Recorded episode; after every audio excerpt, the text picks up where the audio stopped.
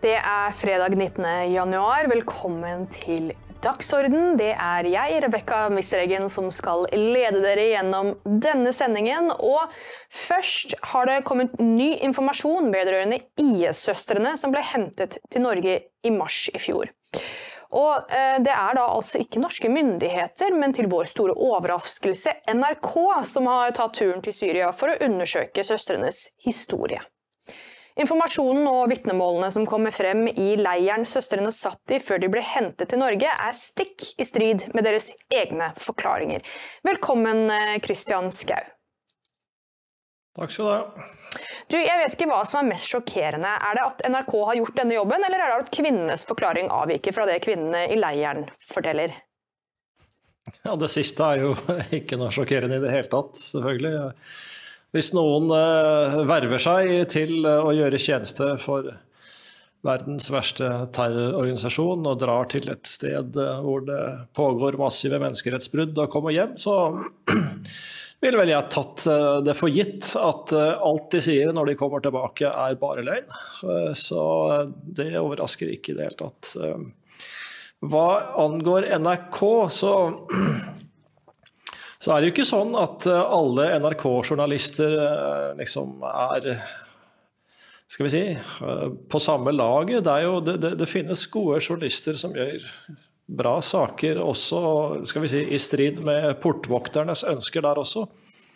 Uh, altså Tormod Strand for eksempel, har i mange år gjort helt fremragende saker. Fredrik Solvang. Og denne reportasjen som uh, som NRK har laget nå, er vel av Kristine eh, Svendsen og Mohammed Alayoubi. Alayobi. Og Kristine Svendsen har jobbet med Tormod Strand, så vidt jeg vet. Og eh, Mohammed Alayobi har vel jobbet med eh, Syria-saker i snart ti år. Og du vet, det ville være litt rart da, hvis, hvis de kom på sporet av en sånn story som det de har nå, at de ikke skulle fortelle den. Så det er kanskje det man kan bruke for å overbevise, overbevise portvokterne om at vi må kjøre den saken her. For la oss tenke litt i scenarioer. La oss si at den samme informasjonen som NRK sitter på, kommer frem som bevismateriale i retten når saken kommer opp mot disse søstrene. Og så blir det offentlig kjent idet dommen faller Eh, skulle da NRK ha unnlatt å fortelle om det, som de allerede visste? Altså, skulle dette her da komme som julekvelden på kjerringa eh, hvis man fortsatt kan si det, unnskyld, eh, idet dommen skulle bli kjent? Så det tror jeg liksom er ja, bakgrunnen for at de, de, de gjør dette her. da. Ja, Ti års arbeid med Syria, Christian. Det var ti år disse IS-søstrene også oppholdt seg i Syria. De sitter ikke fengslet, de går fritt blant folk i Norge, og det er heller ikke tatt ut tiltale mot dem. Men jeg tenkte vi skulle se på denne reportasjen fra i går. Vi skal se i to omganger, så vi kjører nå første klipp. Det gjelder de to søstrene som rømte fra Bærum til Syria for drøyt ti år siden. De ble hentet hjem til Norge og er fortsatt siktet for å ha vært med i terrororganisasjonen IS. NRK har gått inn i hva slags rolle søstrene hadde i flyktningleiren de ble holdt i etter at IS-kalifatet var oppløst. Lokale myndigheter nordøst i Syria sier at søstrene var del av en voldelig gruppering i leiren.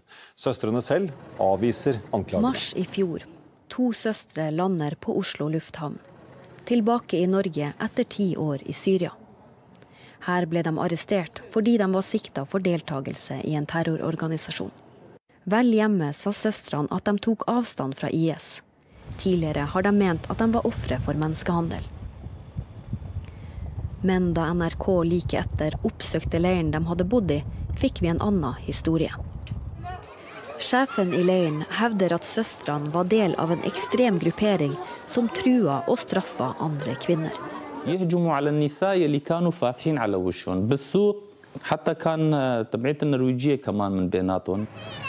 I samme leir møter vi en ung kvinne som sier hun frykter søstrene. Av samme grunn vil hun ikke stå frem med navn og ansikt. Vi må også endre stemmen hennes.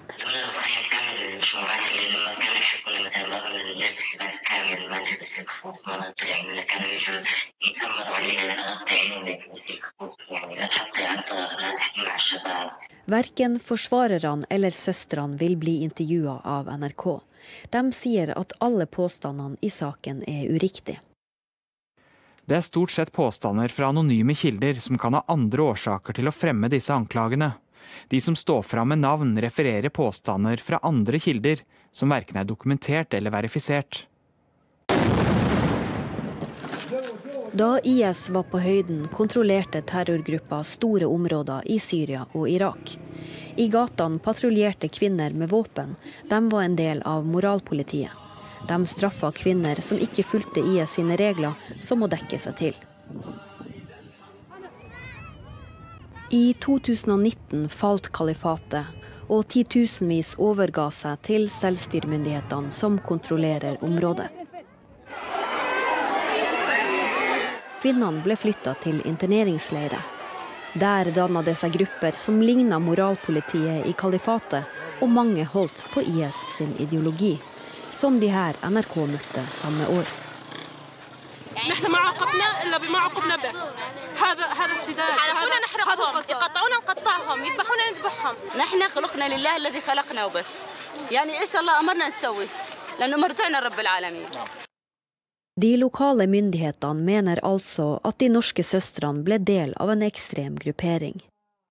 Han var til stede da søstrene ble utlevert til Norge, og har innsikt i mappene til de utenlandske kvinnene.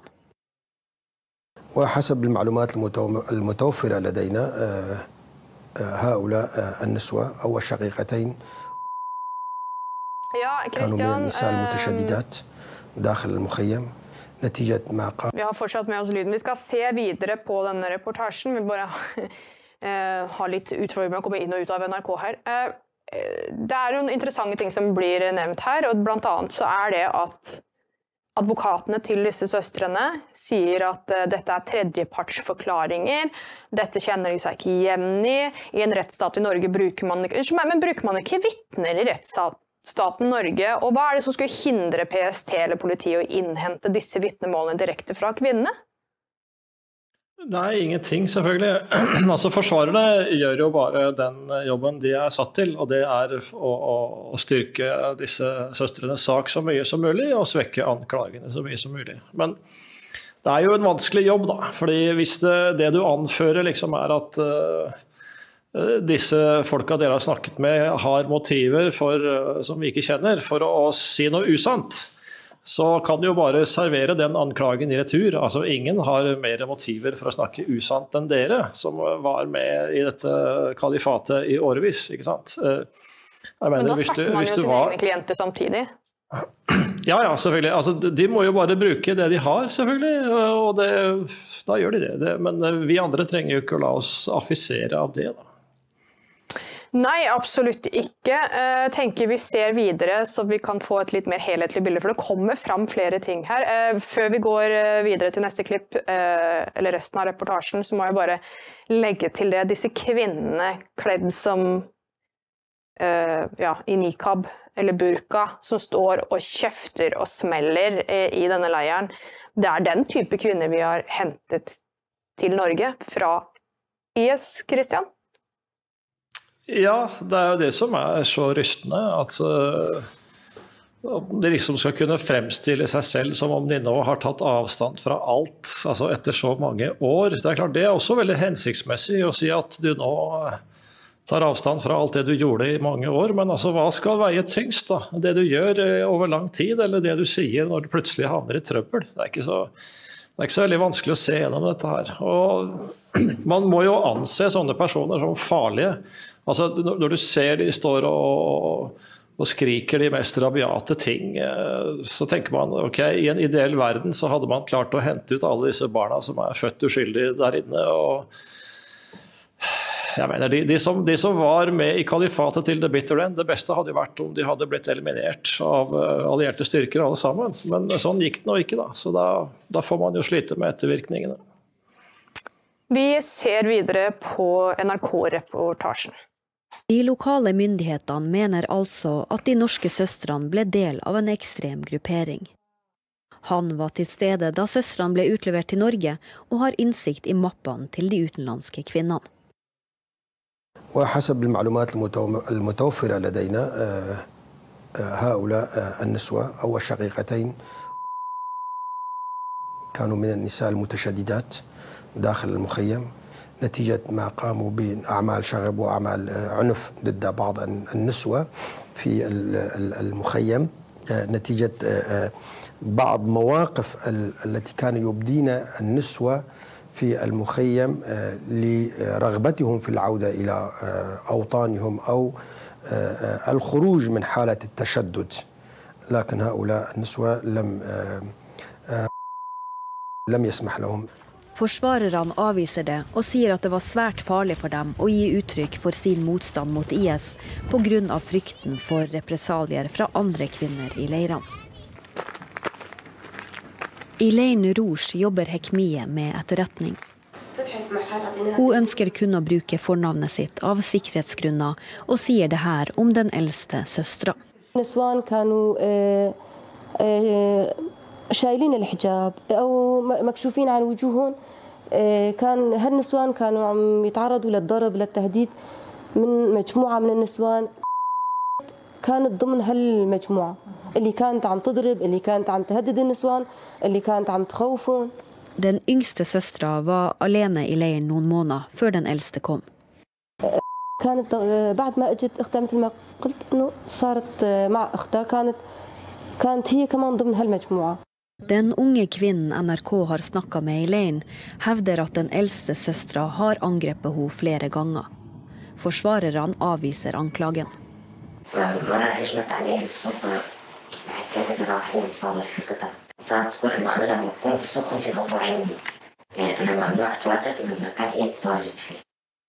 NRK kan ikke dokumentere de ulike episodene, men ifølge leirsjefen har den unge kvinnen blitt angrepet. De ekstreme kvinnene skal ha anklaga henne for å ha samarbeida med leirledelsen. Og i desember 2021 skjedde det noe som førte til at søstrene ble fengsla. To telt ble satt fyr på, og det skal ha vært et opprør i leiren. Kommandøren Destin i den militære styrken YPG sier hendelsene ble etterforska. her du خيمه چادرين دوجنين هولندي امنان كان بلكن ابوان سرو دري بيجن شوتاندن وجن تنظيم كرن كو وك رابن ام بيجن وك سري هلدانا كي قامبي ده چي بكن لبرانبري ريبريا ودري اي قامبي وهمان دمي جهاتي اي باراستني وكيا بجي Hun sier at søstrene ble trukket frem som ledere av andre kvinner som ble avhørt. جمال لبسين ده حميان إفادي خدا. gelek li pirsinê dijin hatin kirin navê her dukan jî hat ku vana pêşengtiya vê e, tehrîkê kirina û em bêjin xême dana şewtandin gelek e, deng li ser wana hene lê wana bi xwe negotin me kirinin. Kommandøren ble totalt sju kvinner fengsla. NRK har bedt om å få avhørene av søstrene og andre kvinner, men YPG sier de kun vil gi det til norske myndigheter. چی بلگین هم مروف نکانه سر سر را گهاندنی اشکره بکه لبلی جی پیواندیدار ورن بخوازبن واجوه لپرسینی و هر وها گلک شکوه جنان شکایت جنان مکرهاتنی جنان لسر وانا کوچا وانا جی خواتی دا گرتیه هنه بدنگ بدیمن دست مده هنه ام دکان و جیهاتنا رو پارve بکن To nederlandske kvinner var ofre for teltbrenninga. Via en kilde i Nederland har NRK fått bekrefta at Ja, Christian. Eh, de hevder da altså til sine forsvarere at det var farlig å ikke gi uttrykk for støtte til IS. Men det er vel forskjell på å uttrykke støtte, slå folk med stokk og sette fyr på hjemmene deres, er det ikke det, da? Jo, selvfølgelig. Altså, det, det, det, springende punkt her er jo altså, hva, hva, tenkte de i dypet av sine hjerter? Altså, de, de forsøker nå å, å, fremstille disse hjertene som mye mer gullende rene enn de sannsynligvis var, ut fra det, det disse vitnesbyrdene tyder på. Og det Jeg vet ikke om det er bakgrunnen. Altså det, at de, de spiller denne rollen som skal vi si, en slags blanding av angrende syndere, og vi var egentlig aldri så radikale.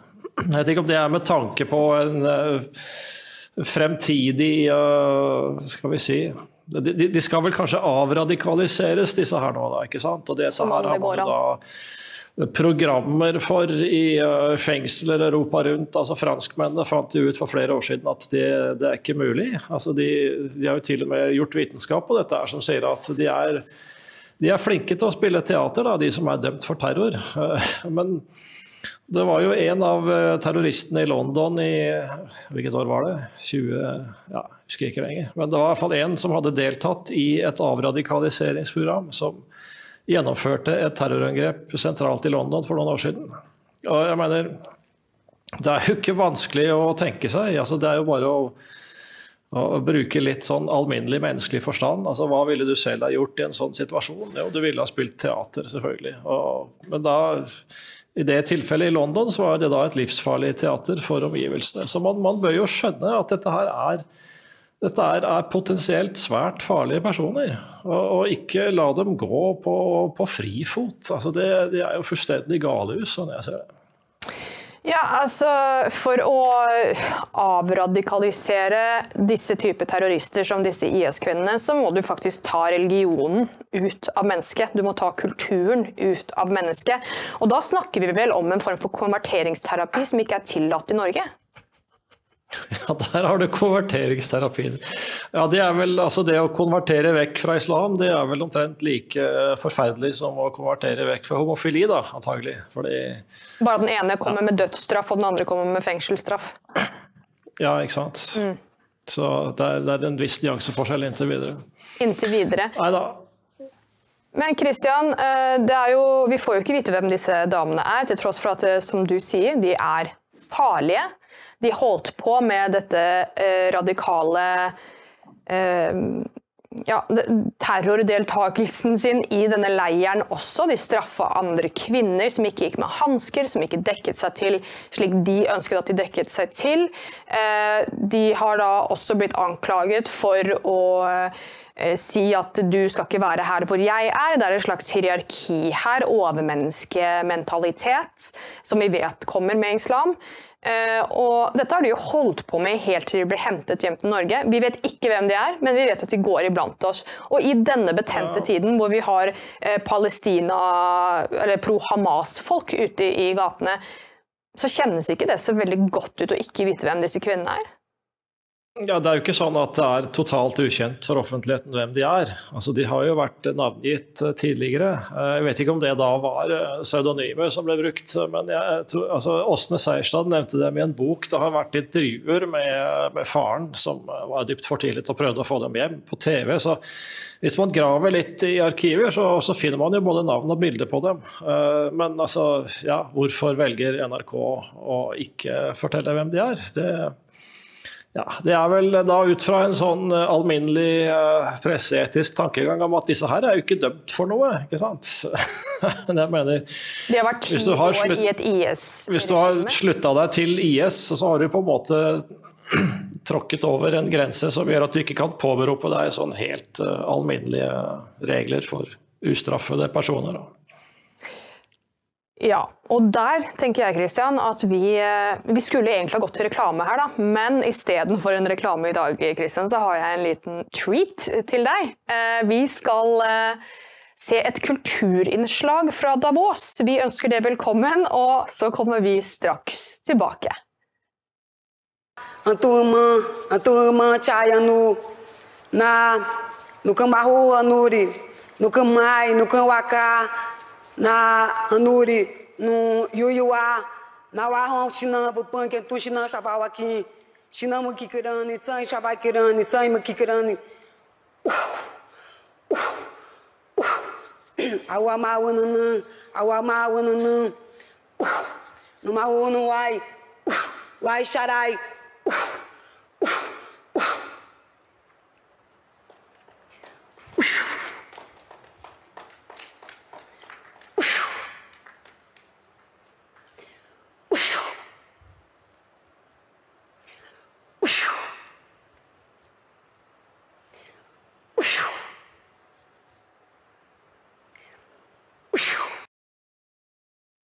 Ja, Christian, Det er ikke lenge siden denne gjengen fortalte oss at vi måtte gå med munnbind, gjerne tre oppå hverandre, og holde minst én meter avstand, og lukket ned samfunnet våre for ingen nytte, stikk i strid med vitenskapen. Men i år er det altså fritt fram å hoste hverandre i ansiktet. Ja, det er fritt fram for henne. Altså, Husk på det at hun eh, viser jo da flere tegn til å tilhøre en urbefolkning. Og hvis du er medlem av en urbefolkning, da, da er du sannsynligvis eh, skal vi si, så ubesmittet liksom, fra naturens side at du, du kan ikke gjøre andre noe galt. Altså, Hva, sier du at hun er ren, Christian?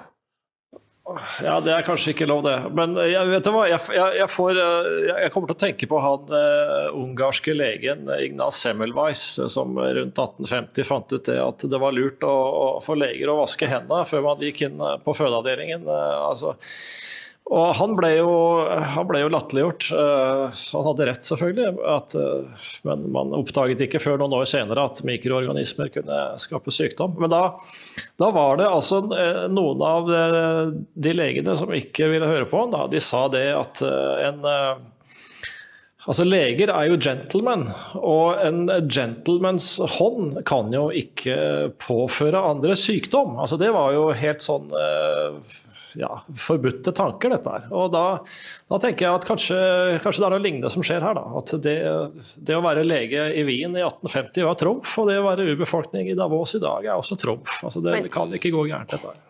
Jeg sliter med denne tankegangen, Christian. Nå skal jeg kanskje gjøre en tankeforbrytelse. Uh, fordi her sier man altså uh, urbefolkning.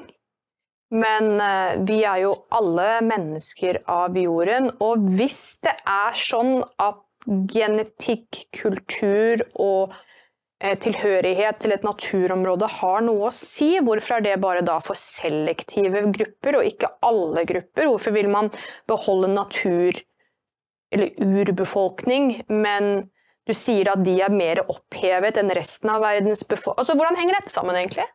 Nei, ja, Det henger ikke sammen. Det er jo ikke jeg som sier dette. her. Jeg, jeg bare fortolker hvordan en klin hakke sprø samtid har klart å, å opphøye enkelte ideer og enkelte personer. Det er jo et hierarki. Liksom, noe mer enn en oss andre. Da. Så det er, eh, det, jeg kunne også lure på om dette her egentlig var sånn skjult kamera, eller kanskje et eller annet slags frimurerritual. Det, det ble jo fortalt at eh, når man skal opp en grad i frimurerhierarkiet, så, så går man igjennom sånne veldig rare eksperimenter. At man skal late som om man er død og blir lagt i kiste og greier. Så her det er kanskje en sånn test. da. Eh, kommer alle disse her dåsemeklerne som sitter og blir hosta på, kommer de til å bare late som ingenting og være flinke gutter og jenter, eller kommer de til å liksom reise seg og spørre hva i svarte er dere holder på med? Så sånn, ja, hvis de, hvis de finner seg i uh, dette tullet her, så finner de seg kanskje i å, å ta for god fisk alt det sludderet vi kommer til å fortelle senere i dag. Altså, det er, jeg tenker på det her som derre Jeg vet ikke. Det, forsøker å sette i gang noe ja, ja, sette i gang noen psykologiske mekanismer for liksom å ydmyke eller kue disse menneskene. Det er, eh, det er helt perverst. Beste forslaget jeg har hørt så langt, Christian. Det, men altså, eh, denne samlingen i Davos er jo over for i år. Og til tross for at eh, myndighetspersoner kontinuerlig gnåler om at alle holder på med Altså at alle som kritiserer dette, driver med konspirasjonsteorier. Eh, til tross for at det de holder på med i World Economic Forum faktisk er en konspirasjon, som de samtidig er åpne om, eh, tenkte jeg at vi skulle høre hva vår alle kjæres Børge Brende hadde å formidle da under dette, eh, årets konspirasjonsmøte. Vær så god. That order seems to know, know uh, not be uh, the order anymore. We are on the way to a new order, so we are between orders. Uh, do you agree with that, or are there ways of uh, what are we able to keep on the positive side from the old order to bring into a new world order, and how can we avoid that that new world order uh, becomes like a jungle growing back, and we rather uh, have order based on international law and the principles that have brought us prosperity and uh, freedom for decades. I guess, and maybe this is the the old um, kind of teacher in me coming out, I think of this a little bit more about a transition of eras rather than a transition of orders, but the two are kind of cousins of one another. The reason I draw the distinction is because I don't think the international order built after 1945 is getting replaced wholesale with some new order. Um, it will obviously evolve as it, as it has evolved multiple times over the decades since 1945. But I do think in a, in a more sharp and distinctive way, we are moving into a new era. And that's what I talked about in my remarks, that we are, you know, the post-Cold War era has come to a close. We're at the start of something new. We have the capacity to shape what that looks like. And at the heart of it will be many of the core principles and core institutions of the existing order, adapted uh, for the challenges that we face today. Erna Solberg har jo sagt at den eh, verdensorden bare er konspiratorisk sprøyt, men hun glemmer kanskje også at hun selv har snakket om denne verdensorden vi alle lever under i dag. Vi skal se Erna Solberg. To discuss the creation of the United Nations. One of the most fundamental tenets of the New World Order created in 1945 was the respect for international recognized borders.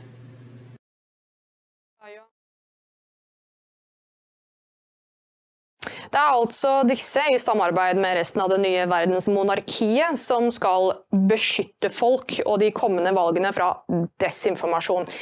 Eh, og jeg tenkte Før vi slipper til Christian her, så skal vi se på hvordan Meta altså Nei, vet du hva? Vi slipper til Christian først. Christian, hva tenker du når du ser Børge Brende snakke om eh, verdensorden, og eh, da Erna Solberg har jo sagt at dette er en konspirasjonsteori, at dette bare er sprøyt, men hun snakker jo om det selv også.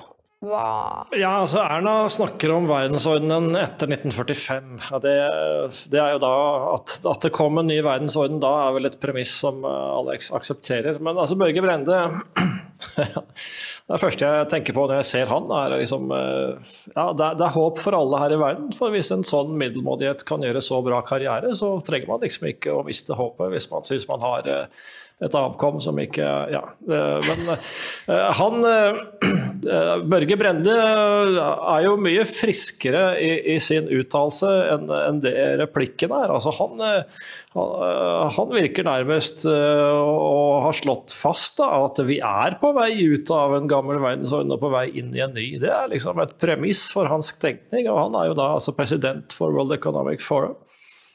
Og Så får han da et svar som på en måte tar han ned litt. da, og Sier at jo, kanskje det blir masse elementer av den gamle verdensordenen. Vi er på vei over i en ny epoke.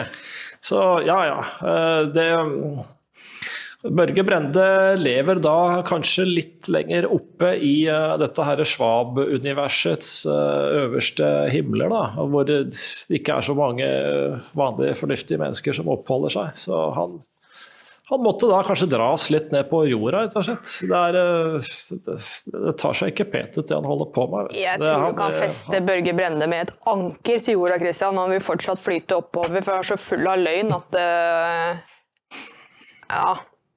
Det er også ikke, ikke minst det store selvbildet tar mye plass. Men, men uh, replikken spøker heller ikke, da. For her er det snakk om at ja, denne nye epoken, så skal vi i hvert fall forme den, da. Ikke sant? Uh, ta med oss det beste fra det gamle, og ja, hva det nye blir. Det, så han uh, Det er jo stormanns... Det er jo, skal vi si, nyanser i stormannsgalskap vi snakker om her, da. Altså det er én sånn styrke ti stormannsgal og én på styrke sju, kanskje. altså men alle, alle, vil jo da være med å forme verden, og det skal skje der, selvfølgelig. Det, sånn er det bare. ja, Det har de jo bestemt uten å spørre noen av oss, at de, de, former verden der. Og det gjør de jo. De former verden der.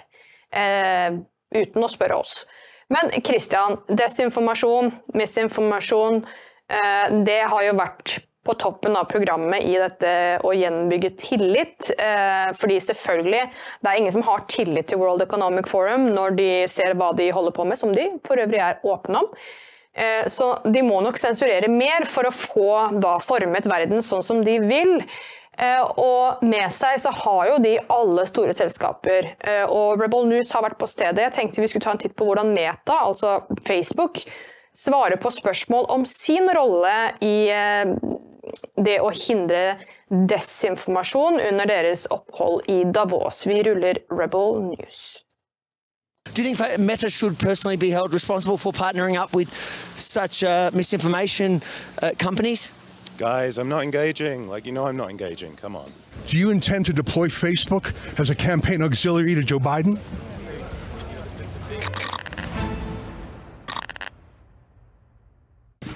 And can I ask you a question about uh, Facebook? No. Why not? You're here with Facebook, and uh, you know you're collegial enough to put your hand on my shoulder. So give me a couple of interviewing right now. Okay, well we're interviewing, and you can keep stony silence if you think that looks good. I want to add. Walking to my booth, and I need to do that. Uh, the number one issue that Klaus Schwab says is the goal for the WEF is to combat misinformation and disinformation. Is that important to Meta? I'm heading to my booth. This is not an interview. Facebook has been one of the largest political censors in the world. Do you think it's appropriate for Facebook to make decisions on what's true or not instead of letting Facebook users make that decision? Again, I'm not doing an interview right now, so thank you for saying hi, but no. Do you think Facebook should be held accountable for the um, misinformation that their uh, their partners, their fact-checking partners, uh, through COVID and consistently are getting wrong? Do you think Fa- Meta should personally be held responsible for partnering up with such uh, misinformation uh, companies? Guys, I'm not engaging. Like, you know, I'm not engaging. Come on. Well, I think that's part of the problem because Facebook, I mean, Klaus Schwab says the goal of this conference is to rebuild trust, and part of trust is transparency. I don't think our questions are a surprise to you. We're asking by what moral right Facebook makes itself the arbiter of what's true or not. We have a larger transparency center that you can go and look at that explains exactly what our community standards are. We have the community standards enforcement report. But it, that it- tells it's- you it's- um, that tells you exactly how we follow them. So I feel we're very transparent. But as I say, like we can community knows- always, you can always talk to our press team and organize time. They won't Uh, talk but to us. that Don't you- do you think Elon Musk not You've got Mark Zuckerberg's what we're doing chutzpah, right but not his money. Thank you, please. Excuse us. Elon Musk's community notes is a lot more efficient than your fact-checking allies that are paid. How come Facebook is censoring the internet? Is it your plan to interfere with the 2024 election? Sorry, I'm not here to the press. Well, I know that, but you're not very transparent. You claim to be transparent. I'm asking you about your plans to censor the 2024 election. That's the key value in this year's WEF conference, isn't it? Fighting misinformation. Do you intend to deploy Facebook as a campaign auxiliary to Joe Biden?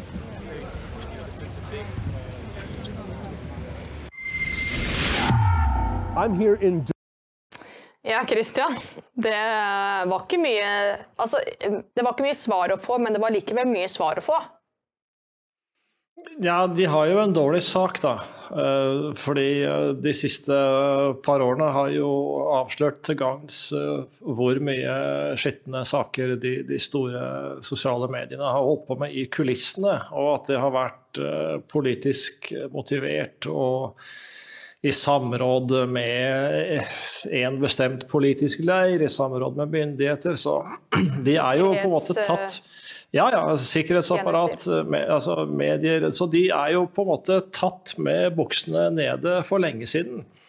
Eh, Men eh, det at de er blitt tatt med buksene nede, er jo ikke så kjent som det burde ha vært, fordi at de samarbeidende mediene ikke har slått det noe særlig opp. Så det er klart, en som Ezra Levant er jo selvfølgelig bare et, et rusk på jakkeslaget, han, så de må prøve å børste vekk så godt de kan. og hvis de skal forsøke å gjenopprette tillit, såkalt, eh, så, så må vi jo lese det som at de må forsøke enda hardere å få en kontroll på informasjonsstrømmen, sånn at den mistanken som da selvfølgelig, og den dommen som er blitt eh, felt hos mennesker som, som har fulgt ordentlig med i alternative medier, så at ikke den sprer seg til hele allmennheten, fordi da er de fucked. ikke sant? Så dette her er jo, Sett fra deres synsvinkel, så er jo det bare å, å rulle ned eh, og ikke svare det noe av det fornuftigste de kan gjøre. Så Når Levant eh, gjør som han gjør, da, så, så blottstiller han jo da på en måte de vanlige mediene som ikke gjør den kritiske journalistikken som de burde ha gjort.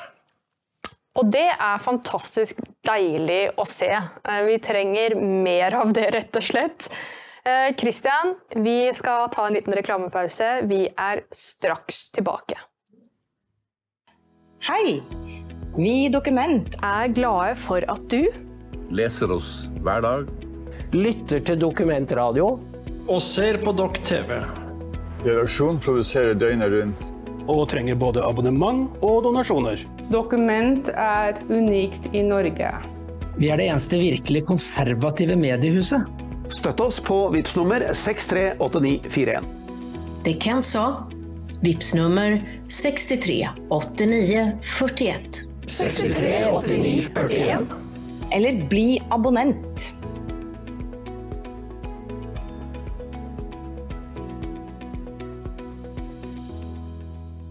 Er du lokallagsmedlem? mm, ikke det? Nei, da har du muligheten å melde deg inn. Velkommen til oss. Ikke bare skal elitistene bestemme, da altså i samarbeid med sikkerhetstjenester, sosiale medier, medier osv., bestemme hva som er sant, og hva slags informasjon som skal være tilgjengelig for offentligheten, eller hvem som skal få drive journalistisk virke, men de er også bekymret for en voksende ekstremisme. I Tyskland er eh, ekstremismen sterkt utbredt innad i eliten. For å eh, offentlig, eh, gjøre offentlig tjeneste så er man forpliktet til å være lojal mot Tysklands grunnlov, og det er anklager om at AFD-medlemmers angivelig eh, manglende lojalitet som har da utløst et forslag om å forby hele partiet, som nå er eh, nest størst på meningsmålingene i Tyskland, med mye større oppslutning enn det sosialdemokratiske partiet SPD. De vil nå altså at eh, eh medlemmer av AFD skal eh, ja, rett og slett få yrkesforbud i offentlig tjeneste. Og hva betyr dette? Betyr dette at grunn, eh, Tysklands grunnlov plutselig betyr noe, og er det ikke AFD som forsvarer den, da? Ideen om eh, yrkesforbud er ikke ny i Tyskland, hvor det ble iverksatt eh, lignende under nazismen mot avvikere og såkalte mindreverdige raser, og de bruker til og med Hitler-retorikk mot partiet. Lederen for CSU, det bayerske søsterpartiet til CDU, som er Tysklands største, omtaler AFD som en parasittisk gruppe som utnytter misnøye og opplevd urett til å fyre opp under protest. Søder omtaler også AFDs tanker om deportasjoner som farlig, og de forsøker seg på en Russia hoax. Christian, kan det bli tydeligere at politikere og elitister projiserer sine innerste demoner på andre? Nei, dette er jo et, et uvanlig eh, illustrerende eksempel. Altså hvis, du, hvis det er sånn at eh, Grunnloven plutselig er blitt veldig viktig for deg, så er jeg helt sikker på at du finner et eller annet i den tyske grunnloven som uh, ikke er forenlig med å, inn, å, å ilegge yrkesforbud etter, av politiske grunner. Altså, hvordan, hvordan skal du argumentere for at uh, AFD er imot Grunnloven? Altså, det, dette her er jo en fortelling som, som spinnes uh, hele tiden i, i, et forsøk på å utdefinere dem politisk som ekstremister. Men det er jo veldig lite konkret som kommer opp. da. Altså Man viser aldri til noe i partiets eh, program. Uh, ikke noe de har gjort, selvfølgelig, fordi at de har jo aldri hatt makt. uh, man tar ikke bestemte uttalelser fra, fra, partilederen og sier at her er det et eksempel på det. det man bare man spinner et narrativ. Altså, har jo, her har man jo også brukt uh, sikkerhetstjenesten. ikke sant? Altså, man uh, man kasta en sjef for sikkerhetstjenesten som sa at nei, AFD er jo egentlig ikke høyreekstremt. Og så fikk man satt inn en ny som sier at jo da, det er de, så nå overvåker vi. Og da tar man den beslutningen som god fisk for å liksom bare ja, anse det som bevis at de er høyreekstreme. Og du vet, dette er uh, hvis du begynner å dissekere det, så, så, er det veldig lite igjen av disse anklagene. Så dette er et ekstremt skittent politisk spill, men eh, jeg tror ikke de, de, kommer til å lykkes med det, fordi vanlige folk gjennomskuer dette etter hvert.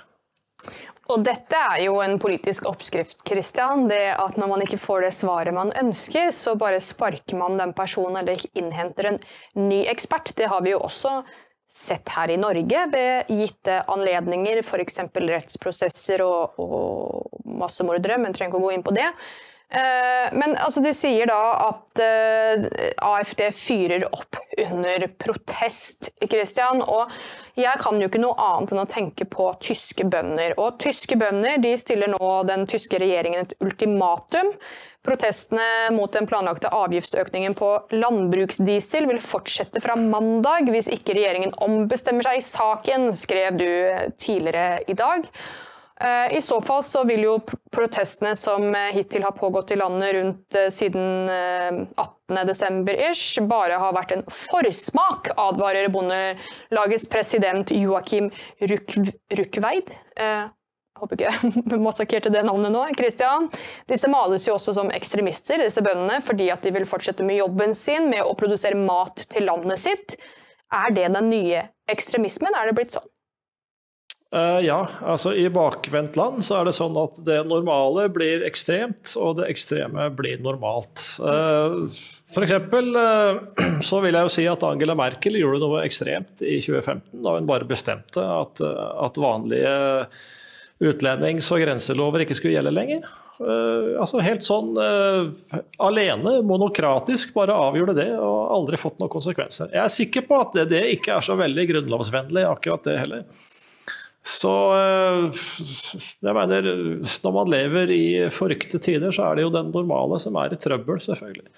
Så det, nå må, det, må, man jo bare forvente at man klarer å finne en eller annen link mellom AFD og bøndene, da, så du kan slå to fluer i en smekk. Så jeg, jeg, jeg, venter jo på det som et neste trekk. da, Vi får se, da. Jeg håper disse bøndene protesterer helt frem til innhøsting, så det ikke er noe å innhøste, Christian.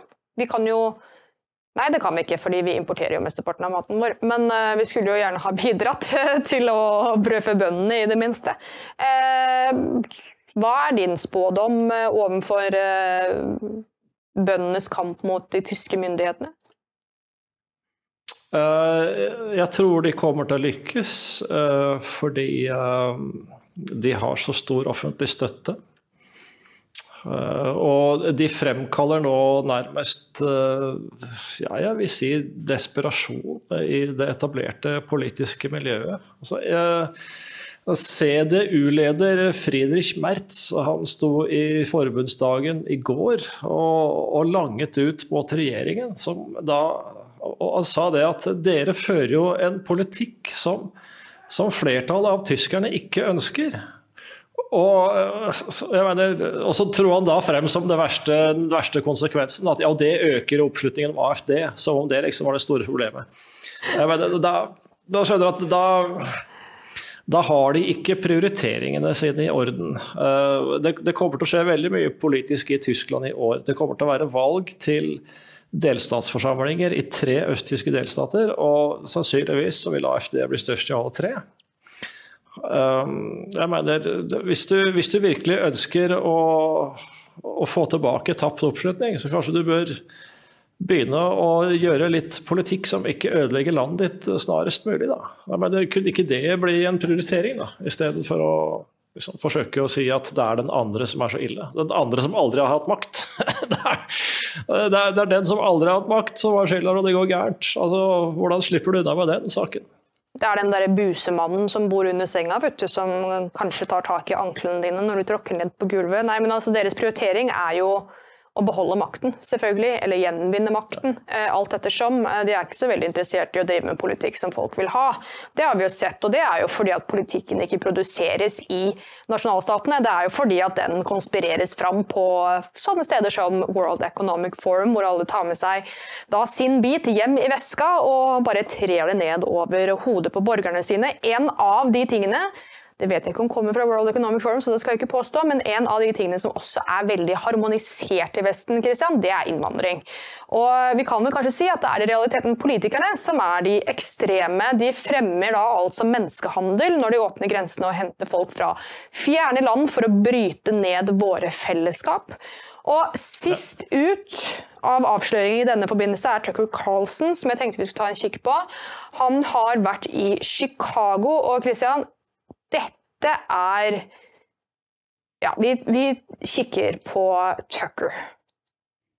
The story of history is the story of invasions. One group of people moving into someone else's land and taking it. One nation ends, another begins. Invasions drive history. Few Americans understand this is happening to them right now. The United States of America is being invaded. For the love of God, this is a damn invasion. Who is allowing this? They invaded our privacy. I think it's an invasion of the country. In other words, it's ending. The country you grew up in no longer exists. Soon it will be unrecognizable. No one is fighting back. Few are even acknowledging it. And the people who lead us are letting it happen. Why are our leaders letting this happen? Well, to destroy the country and to change the demographics. Who lives here determines what the country's like. This country is changing faster than you may understand. Americans are being replaced. That's not a conspiracy theory, it's a fact. In August of 2023, illegal immigration outpaced American births, a brand new population. Last year alone, over 3 million people came here illegally just over our southern border. The media won't tell you it's happening, but if you look around, you can see it, and you can see it most clearly in our cities, which are collapsing. We elect people to protect us. That's what politicians are paid to do. But they've done the opposite. They've sold us out and they've crushed what our ancestors built. Take a look at our cities. They're hellish, and immigration is the reason. The city of Chicago was in tough shape even before Joe Biden opened the border. Now, parts of it are basically uninhabitable. Even the socialist mayor of Chicago says the city is breaking under the strain.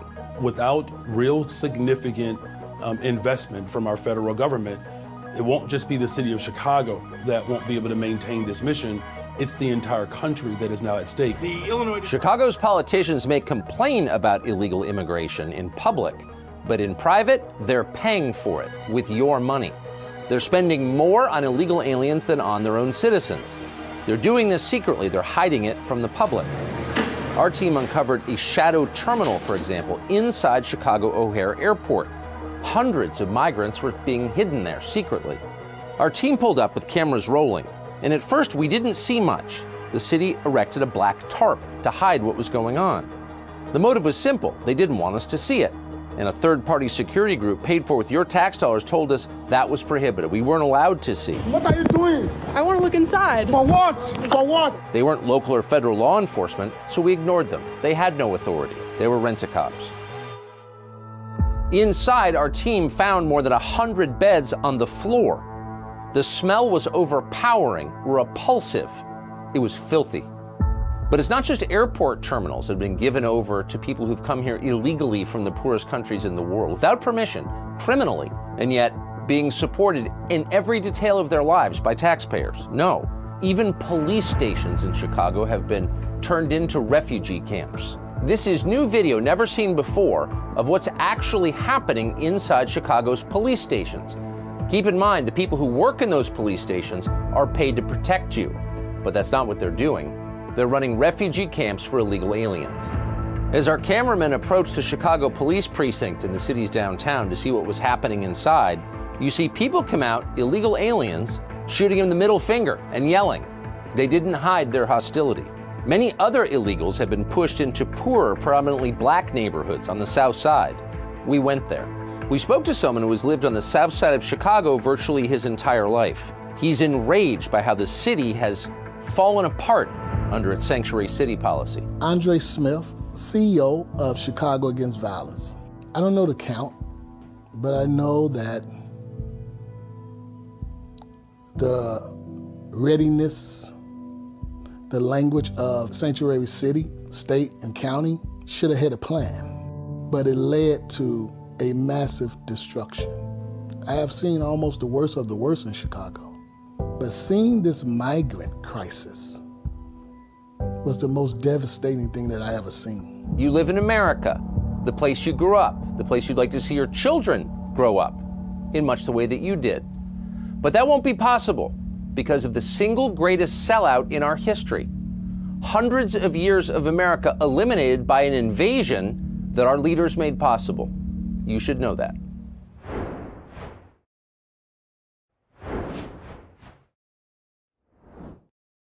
Ja, Christian, dette er Amerika. Det er også Europa. Vi vet at migranter ligger på samme måte på skoler i Irland. Vi vet at Tyskland ønsker å kaste ut sine egne innbyggere for å gjøre rom til migranter. Dette er Amerika. Dette er Europa. Dette er Vesten. Og Angela Merkel, som du nevnte tidligere, hun er en av pionerene for å sette dette i gang.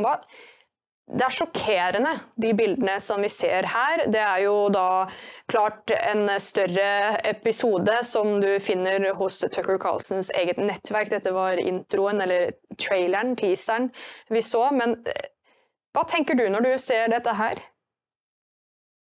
Ja, jeg tenker jo at det som har pågått um, en del langsommere i Europa nå i, i uh, flere tiår, det har eh, pågått eh, i samme omfang på bare, bare tre år i USA. Altså, vi, vi snakker om vi snakker om en, eh, en, innovasjon som er mye større enn vi har sett i Europa.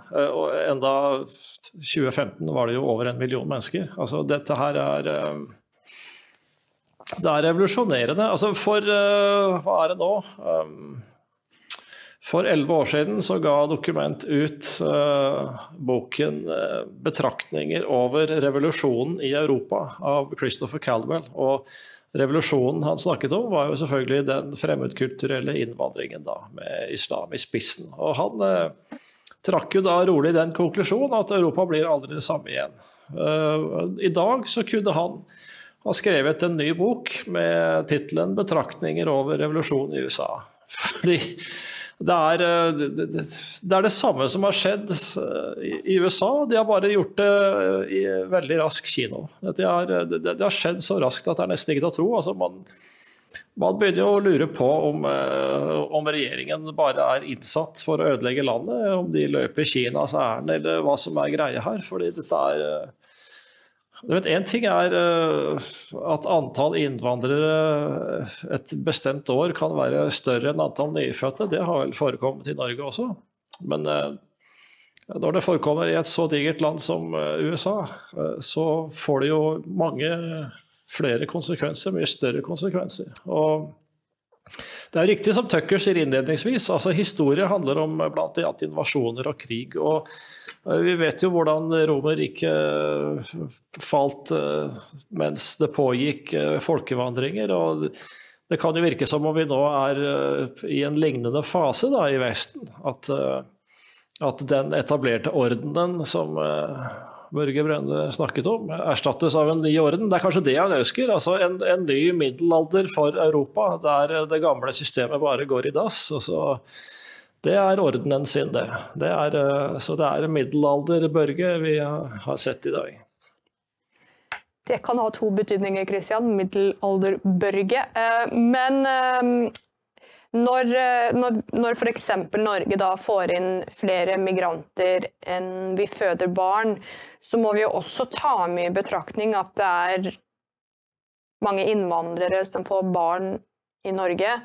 Og denne store befolkningsutskiftningen som eh, mange har vært på sporet av lenge, som har blitt eh, klassifisert som en konspirasjonsteori, eh, som rasistisk, som det, det reneste bås viser seg jo bare å være sant, som alt annet eh, myndighetene hevder er eh, konspirasjonsteorier. Og hvorfor gjør de dette? Ja, nei, altså Det har jo, eh, tror jeg, da, noe med denne nye verdensorden de snakker om. fordi de vil jo gjerne Eller vi vet at Klaus Schwab har jo sagt det rett ut. det er, det et par år siden han nå sa at nå er det på tide å få på plass denne globale regjeringen. Fordi vi skal jo være et grenseløst samfunn. Vi skal jo eh, ikke ha nasjonalstater, det skal være provinser. Folk skal kunne bevege seg overalt. Eh, og alle skal ha det, unnskyld språket, like jævlig. Det er, jo, det er jo det de holder på med her. Og for å få til det, så må de jo ja. ødelegge nasjonalstaten. Og ved å, å importere ja, altså. en haug med folk, så gjør man jo det. Det, det, passer helt perfekt inn i en sånn forklaring. Altså, det, du ønsker en atomisert verden uh, hvor det er lett å drive business, uh, hvor det er uh, alt flyter, hvor mennesker ikke lenger har skal vi si, noen autonomi, egenverdi, stolthet. Du kan bare bruke dem som olje i ditt eget maskineri. Og så kan du bare hive den brukte oljen når du er ferdig med den. Altså, det er veldig dystre perspektiver, dette her. Det må vi kunne si. Det er ikke tvil om. Ja, altså Det her ble jo en megatrist måte da, å avslutte fredagen på. Christian. Vi kan kanskje minne om de som spytter i ansiktet, og siden det er så kulturelt riktig, så tenkte jeg skulle gi det til dere som ser på.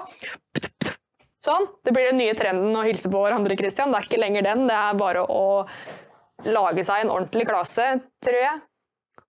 Ja, vi kan, jo, vi kan, jo, ta til orde for litt sånne verbale klaser. Altså, neste gang noen prøver å gaslighte deg med å si at noe som åpenbart er sant, bare er en konspirasjonsteori, så kan du jo bare be vedkommende om å ryke og reise tilbake. Altså, Neste gang en politiker snakker om eh, en krise, så kan du bare si tilbake at den eneste krisen her er deg. Altså det, det er, eh, så man må bare bli eh, Man må forstå at det står mye på spill, og at det man ikke reiser seg opp og forsvarer, det vil man føle senere miste. Så det er liksom opp til hver enkelt av oss. Hør, hør. Og med det så vil vi selvfølgelig oppfordre deg til å dele, like, kommentere. Send oss et Vipps-bidrag hvis du kan. 638941. Vi setter pris på dere. Vi er like avhengige av dere som dere er av oss. Så eh, det er et gjensidig kjærlighetsforhold, Christian. Eh, hvis man kan få lov til å kalle det det, da. Det er kanskje var litt satt på spissen. Men, men med det så ønsker vi takk for i kveld. Takk, Christian, og på gjensyn neste uke. Takk for det.